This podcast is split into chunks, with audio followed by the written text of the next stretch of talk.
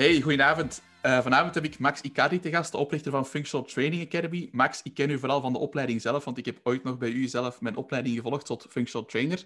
Maar voor de mensen die jou nog niet kennen, kan je jezelf even kort voorstellen. Wie ben je en wat doe je? Dank u, Jeroen. Ik ben Max Icardi, uiteraard. Ik ben uh, een Italiaanse personal trainer in uh, België verhuisd, ondertussen 17 jaar geleden. Ik heb een lange traject gelopen om personal trainer te worden, in de, zeg, zeg, rond de wissel van de eeuw, dat was niet zo'n bekende beroep. Dus ik heb dat in elkaar zelf moeten steken. Ik heb studie gestudeerd in Turijn. Ik ben toen in eerste keer in contact gekomen met het treingeven. Ik heb stage gelopen bij Juventus voetbalclub. Uh, maar na drie jaar geneeskunde heb ik heel snel beslist dat niet mijn ding was. Ik was gepassioneerd door sport als een manier om problemen op te lossen. En ik heb beslist, ik wil geen sportdokter worden. Dan ben ik vier jaar een master in Schotland gaan doen uh, gecombineerd met mijn rugbycarrière. Op die moment speelde ik nog professioneel rugby. Dus dat was een goede kans om daar met een studiebeurs verder mijn studies te zetten. En in Schotland ben ik effectief gestart als privétrainer, uh, als personal trainer aan huis met de Rich and Famous, zoals ze vroeger hoorden. Dat was niet zo'n populaire beroep, maar dat was gewoon een redelijk exclusief beroep. Ja. En naar mijn uh, verhuis naar 2003 in België heb ik ontdekt dat eigenlijk de markt van personal training in België bijna niet bestond. Dus mijn ervaring in het buitenland is zeker een klein beetje een voordeel geweest. Dus ook een papa van twee kinderen en een echtgenote en, uh, en uh, eigenaar van verschillende dieren, een kleine boerderij in de Kempen. En uh, een gepassioneerde motorrijder. Als ik een personal trainer zou zijn, denk ik zou de hele tijd op mijn motor zitten. Super. Ik heb er al veel foto's van zien passeren. Dat is, dat is altijd leuk om te zien natuurlijk. En dat je daarnaast ook hobby's hebt. Nu, je hebt dan Functional Training Academy opgericht. Ik weet jouw verhaal nog een klein stukje. Je mag zeker aanvullen omdat je ook aangaf van er is eigenlijk een, een kleine markt in België van personal trainers. En vooral, er was een gebrek aan opleidingen. Hè. Ik weet nog dat je zei van, ja. ik kwam mij verder ontwikkelen en ik moest echt aan personal trainers gaan vragen, mag ik de sessies bijwonen om kennis te gaan opdoen? En vanuit dat idee is een beetje Functional Training Academy ontstaan. Dat was mijn tijd in Schotland en een kleine passage in Londen. Ja, dat waren geen YouTube, dat was niks online beschikbaar. Dus uh, wat een personal trainer deed met zijn klanten was een beetje een professionele geheim. En die waren niet zo happy om dat vrij te geven aan Jan en allemaal en zo hun concurrentie laten. Dus ik weet nog, ik betaalde de helft van de prijs van een sessie om de sessie bij te wonen en daarna vragen te kunnen stellen aan de trein. Ik denk dat ze nu zouden aanbieden, iedereen zou gewoon op zijn paard steken. Maar toen vond ik wel echt een waardevolle investering. Ik zeg, oké, ik betaal om de geheimen en de dingen niemand zien werken en notities te nemen, niet om na te apen, maar gewoon om daarna een beetje de sessie te kunnen terug-engineeren. En uh, het idee om te starten Van we zijn gestart in 2008, was omdat ondertussen mijn business als personal trainer aan groeien was. Ik kreeg meer en meer vragen van klanten of kennis van klanten. Ah, ik zou graag ook een personal trainer willen in die streek of in die streek waar ik zelf niet actief was. En ik kon niemand aanraden, omdat er bestonden geen personal trainers. Ja. Dus dat was een beetje het idee, oké, okay, uh, eh, wij gaan een opleidingsbureau starten, een opleiding starten, om effectief een beroep aan te leren, waar dat tien jaar geleden dacht ik, ziet er toekomst in. En ik denk dat dat, is nu bewijzen, maar waar dan ook geen opleiding bestond. Ja, voilà, super. Dus als ik het goed begrijp, is uw, is uw personal training carrière, dat is, dat is vrij natuurlijk gegroeid? Of zijn er bepaalde strategieën die jij gebruikt hebt om in het begin echt naamsbekendheid te winnen en je klantenbestand uit te breiden? Wel, zoals je hebt gezegd, toen ben ik gestart, uh, zoals de weinige personal trainers die actief waren, uh, in het milieu van uh, rijke mensen die, wel geld hadden en veel tijd hadden. En meestal is een dichte kring van mensen die elkaar kennen en elkaar de personal trainer aanraden, zoals je raadt aan een advocaat of een notaris of iemand, aan een vriend die je vraagt, ken je dus de, de start is heel veel netwerking geweest. Dat waren geen social media, dat waren geen ja, ik denk dat de jonge personal trainers nu, ik wil niet te oud lijken, maar ik wist dan nog dat, om te checken als een klant had of niet, ik moest naar het bankkantoor gaan en met de bankrekening saldo afdrukken om te zien als de transactie gebeurd was of niet. Ja, ik kon dat niet checken met de telefoon. Dus om te zeggen, daar kwam ook al die tijd bij en een papieragenda bijhouden enzovoort. Dus uh, social media, communicatie en reclame was ondenkbaar. Ik had flyers, ja, maar waar verspreid je flyers? Ik denk dat niet dat flyers in rond verspreiden echt helpt, omdat je weet niet dat ze direct komen naar de labels zelf richten. Dus in het begin heel veel mond-aan-mond reclame en uh, direct een bepaalde keuze maken naar, uh, moet ik zeggen, in die tijd ook de financiële mogelijkheden. Omdat mijn prijzen zijn redelijk al duur geweest vanaf het begin. Ik denk dat dat uh, personal training nu veel populairder geworden is op qua prijzen. Maar, maar toen was een exclusieve product. Ja, het was vroeger veel exclusiever dan vandaag, inderdaad. Ik denk dat daar verschillende redenen voor zijn. Misschien is dat ook een leuk, een leuk discussiepunt. Ehm, ik zie vandaag veel personal trainers die dat heel uiteenlopende prijzen vragen. Er zijn personal trainers die letterlijk voor 15 euro per uur personal training geven.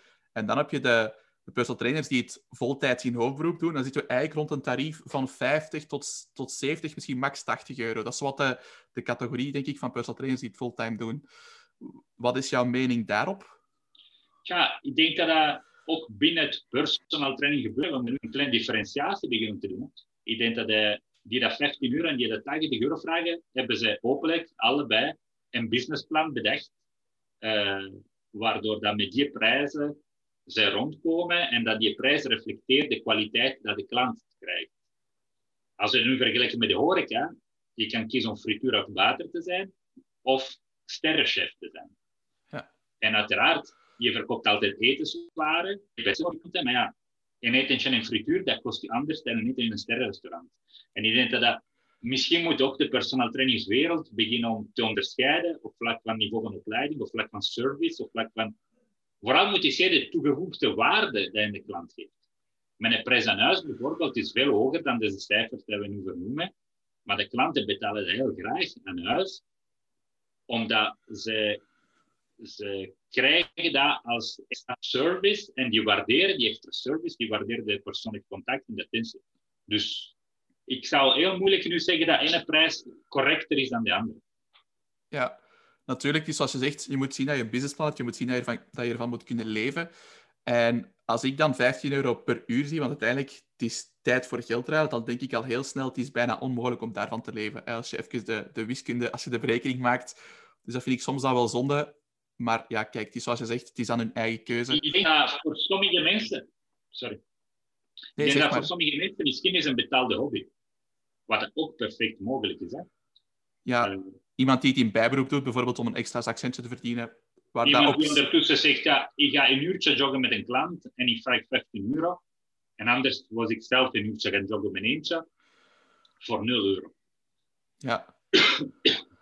Waar dat op zich niks mis mee is natuurlijk, want die mensen die moeten daar niet van leven, dus die mogen dan inderdaad iets minder vragen. Het is natuurlijk vanuit het perspectief van een personal trainer die dat dan fulltime doet, lijkt een beetje oneerlijke concurrentie, want er zijn nu eenmaal mensen die daar op basis van prijs gaan kiezen. Maar dan vind ik jouw argument weer correct, waarbij je zegt, het vergelijking tussen het en een sterrenrestaurant. Ja.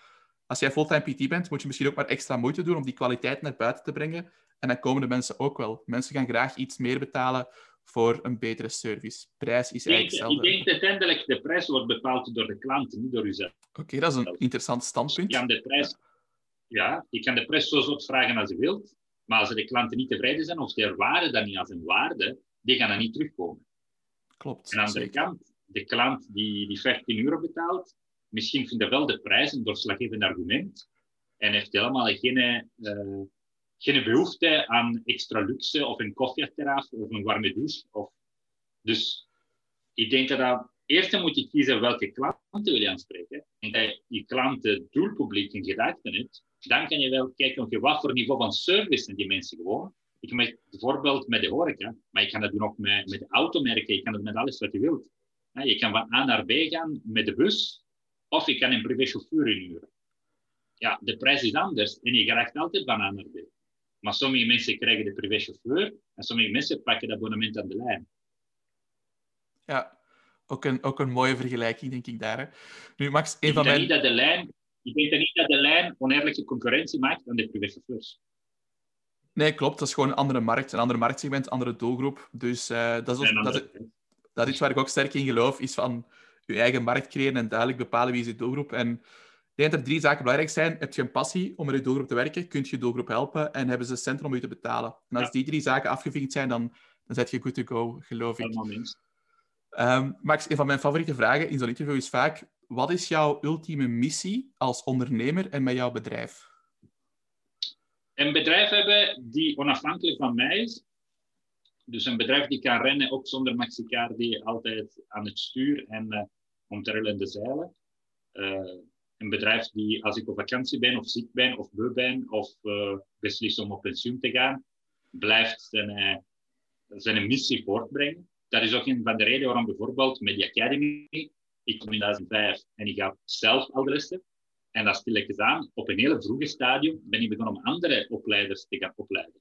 En jullie hebben lessen gekregen van testverkeer, van Pierre Antonissen, van Claudie, van gastsprekers.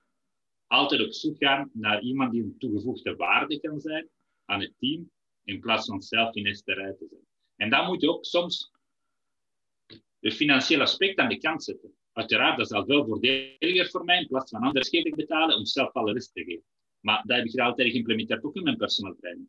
Vanaf mijn eerste studio heb ik altijd extra trainers gehad in de studio die ook training gaven aan mijn klanten. En dat is inderdaad een stuk van je omzet moeten afgeven. Maar dat bouw je ook en je wint ook je vrijheid en de tijd om te kunnen ondernemen en nieuwe projecten starten. Waardoor dat nu ben ik niet bezig alleen met één project, maar ben ik bezig met verschillende projecten tegelijkertijd. Omdat ik niet helemaal zelf betrokken bij elke project.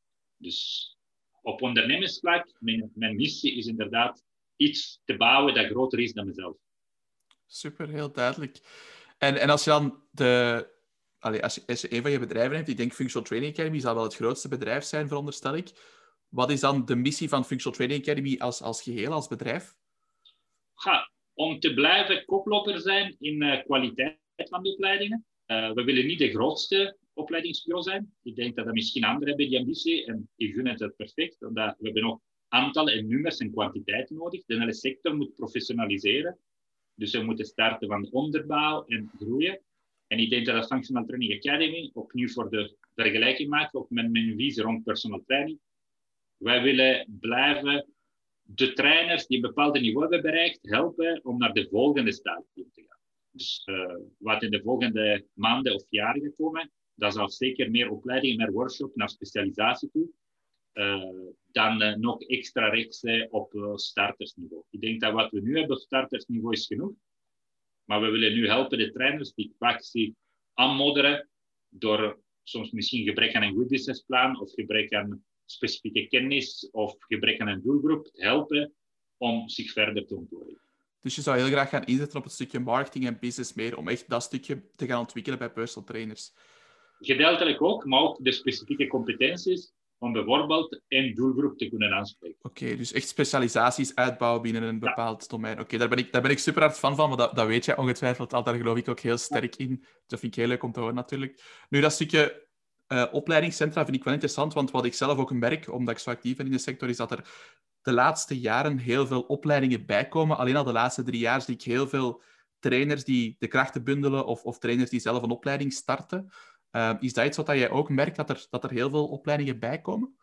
Ja, weet je dat? Ik denk dat het een beetje zoals in het begin, waarbij heel veel personal training studios in dat van de grond komen. Als er iemand start en is goed bezig en die anderen zien dat hij succesvol is, dat is onvermijdelijk dat een beetje iedereen gaat zijn kans wagen.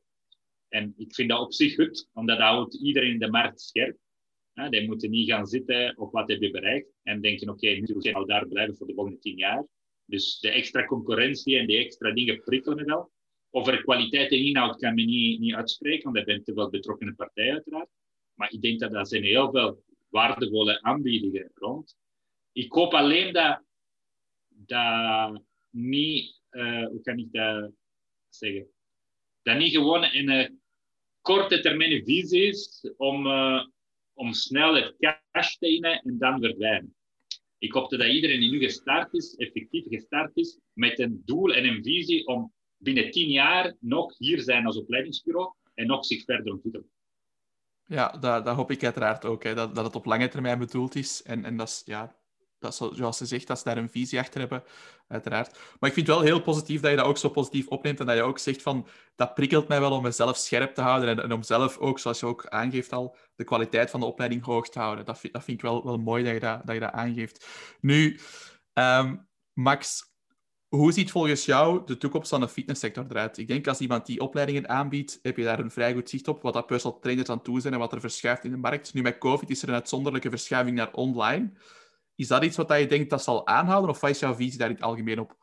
Denk dat COVID heeft nu de kaarten geschud hè? en heeft sommige processen die misschien gingen komen, gewoon heel hard versneld. Uh, een van de grote dingen die ik merk nu, die was al aan het opbouwen, maar is nog duidelijker nu, is dat de overheid is een hele grote deel van de koek aan het nemen. Wat uh, goed is aan een kant, hè, als uh, de bedoeling is om sportpromotie te doen. Ik vind het heel goed dat een Sport Vlaanderen initiatieven start, zoals Sport op het Werk, waardoor dat ze zelf in bedrijven gaan. Maar dat betekent ook dat ze pakken de corporate fitness af van de privaat. Uh, bij een organisatie die eigenlijk gesubsidieerd is door onze belastingen, dus waar wij allemaal voor betalen. Dus daarin naar press-setting kunnen wel een soort van oneerlijke concurrentie zijn. Ja, dat, woord, dat woord wat ik ook gebruik, inderdaad. Ja. Maar aan de andere kant niet. Als we nu beseffen dat de personal trainer, en ik weet dat sommigen hier zullen verschieten van, dat de personal trainer zijn doel is niet om sport te gaan promoten. Ik vind dat de personal trainer moet zich specialiseren in een gebied van sport, waardoor dat iemand een speciale doel stelt. Maar de algemene sport- en bewegingpromotie, pak de fiets, doe de trap, uh, ga wandelen in het bos, dat vind ik wel een maatschappelijke verantwoordelijkheid. En ik ben blij dat een deel van ons belastingsgeld op die doel wordt gezet. Dat wij een fittere bevolking gaan krijgen door een deel van onze belastingen te besteden in projecten die vaak zijn nog waardevolle projecten, die wel een grotere drang hebben dan de eenzame personal trainer. Maar dan moet de personal trainer waarschijnlijk nu heel snel schakelen naar oké, ik ga mijn onderbouw van klanten waarschijnlijk verliezen aan deze initiatieven, aan de start-to-runs en aan de online workouts door bewijs gegeven, omdat je kan dat niet tegenhouden nu. Mensen zullen dat altijd aantrekkelijker vinden en die zullen beter middelen hebben om iedereen te bereiken. Dus als personal trainer moet men snel omvormen. Wat wordt nu met het product en wat is het probleem dat je gaat oplossen? Wat is de pinpunt van een klant die je gaat oplossen? Omdat de algemene gezondheidspromotie ligt nu eindelijk en gelukkig in de hand van de overheid. Had eigenlijk tien jaar geleden al moeten gebeuren. dat is één.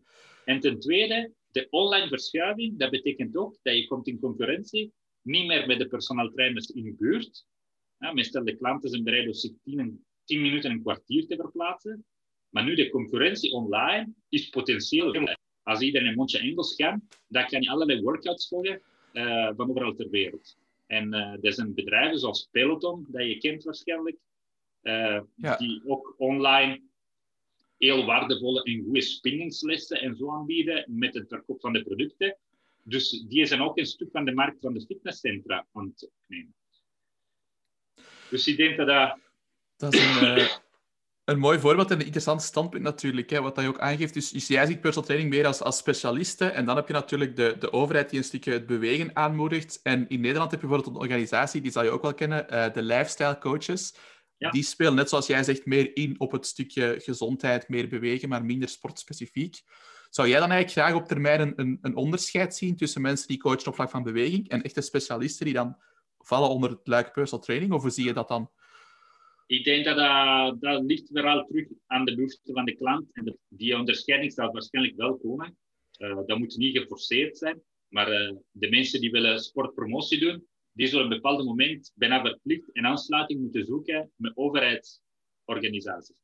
Opletten, de vergelijking tussen België en Nederland, uh, het is soms verraderlijk. Alles rond beweging en sporten en bijvoorbeeld de statuten van de fysiotherapeuten of kinesisten tussen België en Nederland is allemaal anders. wij zitten nu ook met een grijze zone en nu, nu de kinesisten blijven oefentherapieën geven, hè, terwijl we gesloten zijn. Ja. Dat is iets dat in Nederland niet bestaat. In Nederland zijn dezelfde regels voor fysiotherapisten en personal trainers. Dus daarin ook, ik ken niet exact de situatie om me verder te kunnen uitspreken hoe dat in Nederland werkt. Maar ik denk dat uh, hier in België een onderscheiding is niet nodig. Elke personal trainer zal op het moment zelf de keuze moeten maken. Met de gezondheidspromotie en misschien word ik bijgetrokken in projecten zoals het beweging op verwijzing of ik ga samenwerken met Sport Vlaanderen voor Sport het Werk. Of ik ga me eerder richten naar de privémarkt en ik ga klanten helpen om een speciale doel te bereiken, uh, waardoor ze bereid zijn om mij te betalen om dit doel te bereiken. wil ik limousinechauffeur worden of wil ik chauffeur van de lijn worden? Alle twee waardige jobs, die vragen twee verschillende instellingen. Ja, zeker, absoluut. Nu, als ik daarop inpik, ik weet dat je een beetje voorstander bent van het, van het, van het beschermen van ons beroep en het, en het oprichten van een, van een uh, beroepsvereniging, als ik het zo mag zeggen. Ehm, kan je daar misschien ook kort iets over vertellen? Hoe zou jij dat graag zien in de toekomst? Ah, wel, ik vind het woord beschermen van ons beroep helemaal niet correct. Ik ben zeker geen voorstander van het beroep te beschermen. Oké, vertel.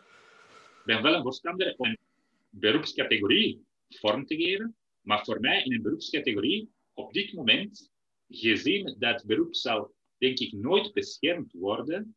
Als ik kijk andere beroepen, zoals automechanieker, is niet meer beschermd. Ze hebben heel veel vereisten van professionele kwalificatie afgeschaft, omdat in strijd waren met de Europese wetgeving.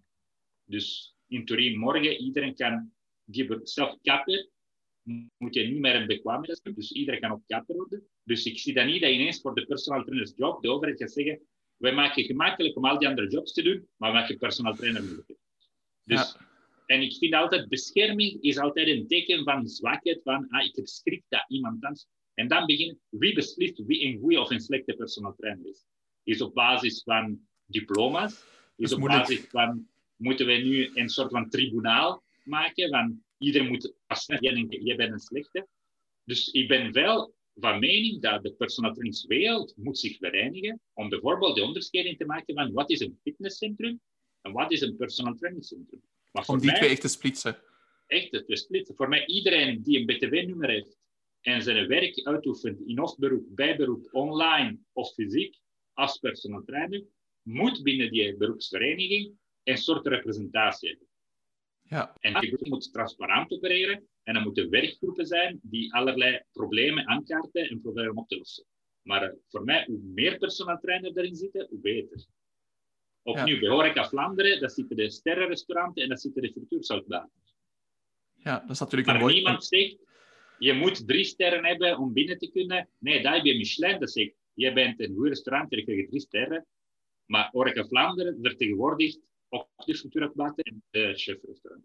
Ja, bij ons is er natuurlijk fitness.be, die zal je ongetwijfeld ook wel kennen, maar die richten zich vooral tot het Luik Fitnesscentra. Iets waar wij als personal trainer eigenlijk totaal geen affiniteit mee hebben. Dus bij ons ontbreekt dat wel echt, hè? Zo die, ja. die vereniging. Als ik kijk naar nummers, hè, ik was recent aan het kijken naar fitness.be. Ze zeggen dat er zijn er 600 aangesloten fitnesscentra bij, bij fitness.be. Ik weet niet of de cijfers actueel zijn of niet, maar ik kan dat wel geloven. Dat zijn 600 fitnesscentra, dus 600 fitnessuitbaters. Ja. Maar voor mijn geweten, alleen in onze Facebookgroep zitten duizend personal trainers. Dus dat betekent dat als er duizend personal trainers en ook al die anderen die nog niet daarin zitten, zouden zich vereinigen, wij zouden veel meer gewicht hebben qua representatie dan een fitness.be.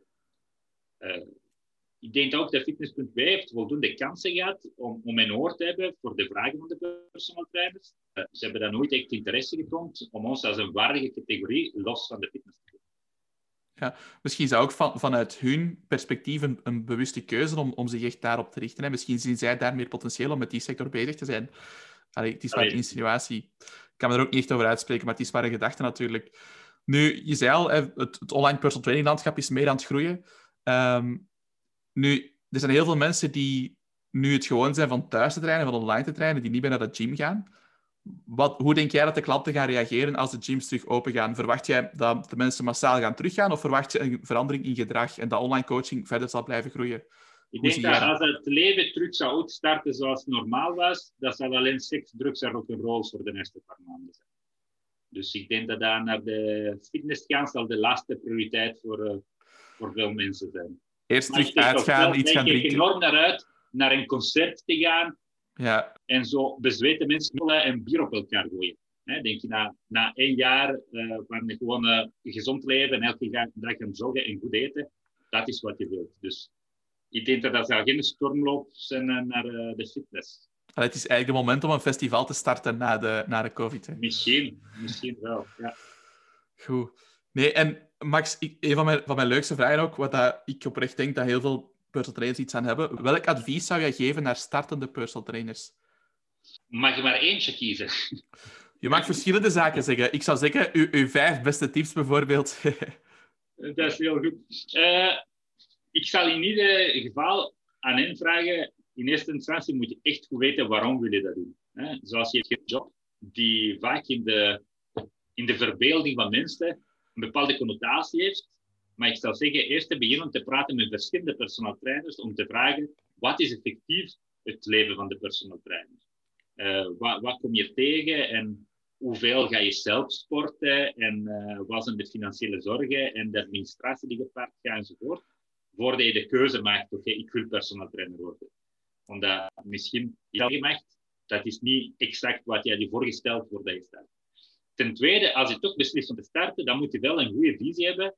Oké, wat wil ik bereiken met dit beroep? Dus dat is niet alleen een businessplan op basis van cijfers, maar ik vind dat dat is ook een soort van levensplan. Hoe lang wil ik dat doen? Uh, wat wil ik bereiken binnen vijf jaar, binnen tien jaar, binnen twintig jaar? Uh, wat zal mijn, mijn ambitie zijn? Maar dat is denk ik zelf een job. De derde zou ik zeggen, zoek samenwerking. Hè.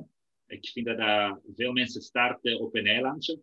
En dan inderdaad, dat kan heel snel eenzaam en heel snel uh, mentaal vermoeiend zijn. Om geen sparringpartners te hebben of geen, niemand te hebben om, om, om de last fysiek en mentaal te kunnen delen van de job.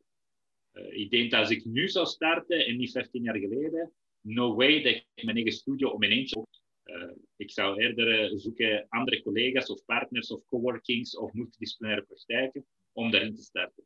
Omdat nu, nu bestaat de mogelijkheid. Ja, zeker. Ik denk dat het eerste wat hij ook zei is van er komt meer bij kijken, uw administratie, uw businessplan en zo verder. Ik denk dat je daarvoor zelf ook als startende PT een keuze moet maken. Ofwel ga je echt ondernemen en dan neem je alles erbij wat erbij komt kijken bij het ondernemen. Ofwel ga je, zoals je nu ook zegt, bij een praktijk aansluiten of in een gym werken, waar je dan eigenlijk eerst ervaring kan opdoen en waarbij dat je in loondienst werkt, waar dan niks mis mee is. Maar dan moet je voor jezelf inderdaad bepalen waar zie je jezelf vandaag en binnen x aantal jaar. Ik denk dat dat misschien ook een... Loondienst is een optie. Ik noem dat ook soms onderaanneming. Hè, omdat in onderaanneming blijven ze standig. Maar je gaat bijvoorbeeld met één, twee of drie of meerdere personal trainers afspreken. Hey, kijk, ik wil graag extra uren in je studio doen of bij je klanten doen. En dan wil ik de deur achter mij trekken en glimmen. Dus iemand hebben dat voor u de klanten zoekt en dan je concentreert je alleen op wat de meeste mensen misschien het leukste van de job vinden en dat is training geven. Ja. En niet de klanten zoeken, uh, de verwerking, de administratie rond, uh, de zorg van een locatie enzovoort. Dus dat bestaan op vandaag eigenlijk heel veel verschillende manieren om personal trainer te worden. Verschillende plaatsen. Maar ik krijg constant aanvragen van een bedrijf met wie ik ook de recrutering voor doe, personal training op cruiseschepen. Uh, dat is een enorme vraag voor. Dat is een redelijk zware job. Je bent zes maanden of een jaar op zee. Maar ja, als iemand jong pas heeft gestudeerd is, op zoek naar avontuur is en een beetje ervaring, waarom niet een jaar op een cruiseschip personal training geven? Ik denk dat soms mensen blijven een beetje te beperkt in hun visie van de job. Zeker omdat nu zijn er meerdere personal trainers bezig die altijd hetzelfde doen een studio open doen, inrichten, er tegels op de grond, een paar kettlebells en voilà, dit is een personal studio. Maar dat mag ook creatiever zijn. Absoluut, absoluut. En ook daar heb ik, heb ik misschien wel een mening over te delen. Het, het, ik denk dat we minder en minder naar die massafitness gaan, of dat, of dat we dan vooral de grote ketens gaan hebben, Basic Fit, Lifestyle Fitness, Deloitte, noem maar op. Um, David Lloyd, sorry. En wat ik zie dat wel heel goed marcheert nu, maar daar wil ik ook graag heel, graag jouw mening eens over hebben, is de, de opkomst van boutique-studio's. Dus echt hele, alleen, meer fancy studio's, klein en beperkt, die zich richten tot een specifiek publiek. Dat zie ik nu heel hard opkomen, zoals je net ook zei. Uh, multidisciplinaire praktijken die zich richten tot bepaalde sporttakken, uh, boutique-studio's die zich richten tot ondernemers, zo van die zaken. Zie jij daar ook een, een trend in en wat, wat, is jouw voorspelling daar? Ik denk het wel, maar uh, ik denk dan niet dat we minder van de massa-studies zullen zien. Wij zullen gewoon minder van het middenmaat zien. Er zijn bepaalde momenten een keuze moeten maken. Er zijn ook personal trainers die in de grote fitnessketen gaan werken. Er zijn personal trainers die in basic fit werken. Ik kan aan Fabrice vragen, denk in de volgende interview, denk dat er zijn samenwerking met David Lloyd hebben afgesloten, waardoor dat ja. hij personal trainers van David Lloyd Ik heb het gezien, uh, ja. voorzien. Dus de grote fitnessketen zullen ook personal trainers in huis nemen. Aan de andere kant zullen personal trainers zijn die richting de fitnessboutique gaan. Of richting de training in huis. Dat is denk ik volgens mij een trend in opstegen na de covid-crisis. Mensen ja. zouden waarschijnlijk iets meer betalen om een training in huis te hebben. En uw eigen douche te gebruiken, uw eigen omgeving, in plaats van ergens naartoe te gaan. Dus iets waar eigenlijk 15 jaar geleden de fitness, de personal training wereld was, gaat helemaal terugkomen ik denk dat wat een beetje gaat verdwijnen, is de, ja, de, de kleine personal training studio die, die weinig aan te bieden heeft. Dus de, de kleine personal training studio met de eenzame personal trainer, die gaat op een bepaald moment niet kunnen concurreren met de boutique personal training studios, niet kunnen concurreren met de trainingenhuis en niet kunnen concurreren met de luxueuze fitnessketen die ook personal training aanbieden. Ja, dat is inderdaad een grote uitdaging, denk ik, voor, voor die markt dan specifiek. Super, dat is een leuk inzicht. Nu, uh, Max, je zei het daar net al voor het interview. Ik, ik, uh, ik stel vaak de vraag, en wie, wie zou je nog aanmoedigen om uit te nodigen als gastspreker? Heb je ondertussen al een idee wie dat een interessante gast zou kunnen zijn voor, uh, voor een keer helemaal uit te nodigen? Niet, helemaal niet. Ik denk dat er zijn veel interessante spelers op onze markt. ik, wou ik zou niemand willen uitsluiten ik denk dat als ik een beetje hoor, wie heb je al gehoord? Dat zijn allemaal mensen die specifiek in onze sector zitten. Ja. Misschien als een klein beetje een provocatie, ik zou wel een klant uitnodigen bij de volgende podcast. Maar vaak kruipen wij helemaal in onze idee en visie van de markt, vanaf het standpunt, wij zijn de trainers, wij bepalen wat moet gebeuren om te komen. Maar waarom niet een klant uitnodigen die misschien al jaren personal training volgt, om te vragen, wat vind je wel belangrijk in een personal trainer? Waarom werk je met een personal trainer? Of niet per se misschien de trainer te benoemen, maar iemand kiezen die onze product, onze service lang gebruikt en misschien heeft ook die product of die service zien veranderen in die jaren. En wat zijn hun verwachtingen voor de toekomst? Dat is een heel... Eh, om de stem van de klant te laten horen. Ja, dat is een heel interessant perspectief, maar ik had ik nog niet aan gedacht, dus ik ga dat zeker een keer doen. Dat is heel leuk om een keer te horen van de klant hoe dat zij personal training ervaren en wat dat zij belangrijk vinden. Want dat kan ook heel leerrijk zijn natuurlijk voor, voor de personal trainer, voor onze sector natuurlijk. Goed, Max, ik wil je keihard bedanken voor je tijd. Nu, als mensen meer willen weten over jou of over Functional Training Academy of over uw andere projecten, op welke manier kunnen zij het beste met jou connecteren of meer informatie vinden? Ik denk dat Google is je beste vriend. Hè? Als je mijn naam gewoon intikt, denk ik dat ik heb mijn eh, huiswerk gedaan. En je vindt daar mijn persoonlijke website, maxicardis.com. Je vindt mijn LinkedIn-contact. En als je interesse hebt voor de opleidingen of andere activiteiten, functionaltraining.be is de verzamelingpunt waar kan je naar de academy gaan of kan je naar onze diensten voor personal training gaan. Dus functionaltraining.be ofwel een van mijn persoonlijke sites. Super, voilà, perfect. Dus als je Max wil, wil volgen of meer informatie wilt over Functional Training Academy, ga zeker een kijkje nemen. Ik heb de opleiding zelf gevolgd en ik zou het ook zeker aanraden um, naar personal trainers toe, zeker startende personal trainers, om je niveau toch een beetje op te krikken. Dankjewel, Max. Dank u, Jeroen, en succes. Dankjewel.